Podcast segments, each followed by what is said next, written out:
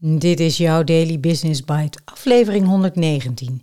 Emoties bepalende factor bij goede besluiten en bij slechte. Door Eduard van Brakel op managementimpact.nl. En ik ben je host, Marja den Braber. Je luistert naar Daily Business Bites met Marja den Braber. Waarin ze voor jou de beste artikelen over persoonlijke ontwikkeling en ondernemen selecteert en voorleest. Elke dag in minder dan 10 minuten.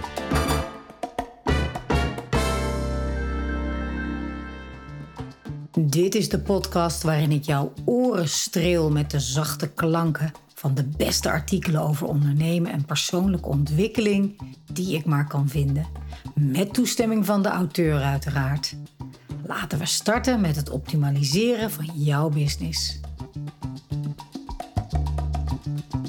Beslissingen nemen, dingen besluiten. Dat is waar je als manager onder meer voor wordt aangenomen. Maar hoe weet je nou of iets een goed besluit is? En hoe weet je wanneer je een goede beslissing neemt? Om een goede beslissing te nemen kun je het besluit het beste toetsen aan de hand van drie vragen. Is het goed voor mij? Is het goed voor een ander? Is het goed voor de wereld? Als je die drie vragen met ja kunt beantwoorden, dan neem je in ieder geval geen slecht besluit. Maar wanneer neem je dan een goede beslissing? Daarvoor kun je de basisregel volgen dat wanneer je je goed voelt, je goede beslissingen neemt en dat wanneer je je slecht voelt, je slechte beslissingen neemt. Gelukkig kun je door het aanpassen van je lichaamshouding je eigen gevoel en emoties beïnvloeden. Als je een krachtige houding aanneemt, voel je jezelf ook krachtig en straal je krachtige emoties uit. En emoties zijn zeer belangrijk bij het nemen van een besluit. Ga maar na bij jezelf. De ervaringen waar je een krachtige emotie bij voelde, zijn de ervaringen die je bijgebleven zijn. Zo kun je nog steeds boos worden om die ene aanvaring op de middelbare school. Of die ruzie met de manager tot in detail herbeleven. Maar ook het halen van je diploma, of dat belangrijke doelpunt in die ene wedstrijd, of je eerste spreekbeurt, of de eerste keer dat je verliefd was.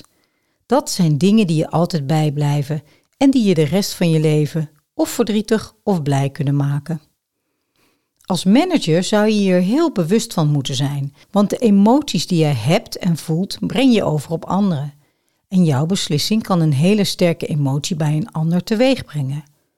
En jouw beslissing wordt beïnvloed door de emotie die je op het moment van de beslissing voelt. Ga dus na of je jezelf wel goed voelt. Of je jezelf in een peak state hebt gebracht. En als dat niet zo is, breng jezelf door het aanpassen van je lichaamshouding en door het denken aan geweldige dingen in die supergoede mentale staat. En als je in die staat bent, bedenk dan ook nog eens wat je beslissing is. Misschien verandert hij wel. Woede of boosheid of irritatie is een goede trigger om zaken te veranderen. Maar blijven hangen in de woede en irritatie zorgt ervoor dat je beslissingen doordrenkt zijn van een woede en daardoor niet altijd goed voor een ander of voor de wereld zijn. Breng jezelf vanuit die irritatie naar een goede mentale staat, dan neem je een betere beslissing. Een besluit dat zijn grondslag vindt in positiviteit en daardoor een positieve weerklank heeft. Een besluit dat goed is voor jezelf, goed voor een ander en goed voor de wereld. Daily Business Bites met Marja Den Braber. Je luisterde naar Emoties bepalende factor bij goede besluiten en bij slechte door Eduard van Brakel. Nou ja, lees ik in dit stuk direct de belangrijkste vraag die ik bijna dagelijks stel aan mezelf of aan klanten. Wat je nu gaat doen, is het goed voor jou? Is het goed voor de ander? Is het goed voor het grote geheel? Of de wereld, zoals Eduard hier noemt.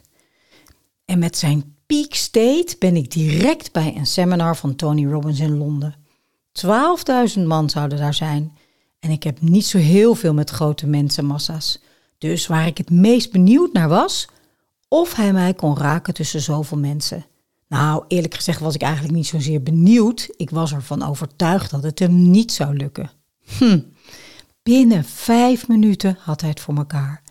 Hij was waarschijnlijk zelf in een peak state, maar heeft het hier ook heel veel over gehad en vooral heel veel laten zien in die drie dagen. Later, toen ik het programma Time of Your Life van hem heb gevolgd, Dat legde de basis onder mijn ultieme uitkomstenstrategie die ik zelf, maar ook bij teams en bij ondernemers gebruik. Gaat het ook heel vaak over jouw stemming, jouw state, want stemmingen zijn besmettelijk. Stefan en ik hingen wel eens een grote flap op de deur van een leiderschapstraining met de tekst: Jij bent verantwoordelijk voor de energie die je in deze ruimte brengt. Dat gaf hele mooie discussies. Dus al met al, of je het nu jouw positieve stemming noemt of een state, zorg dat je verantwoordelijkheid draagt voor jouw stemming en neem deze drie vragen mee. Dan komt het wel goed. Ik spreek je graag morgen weer.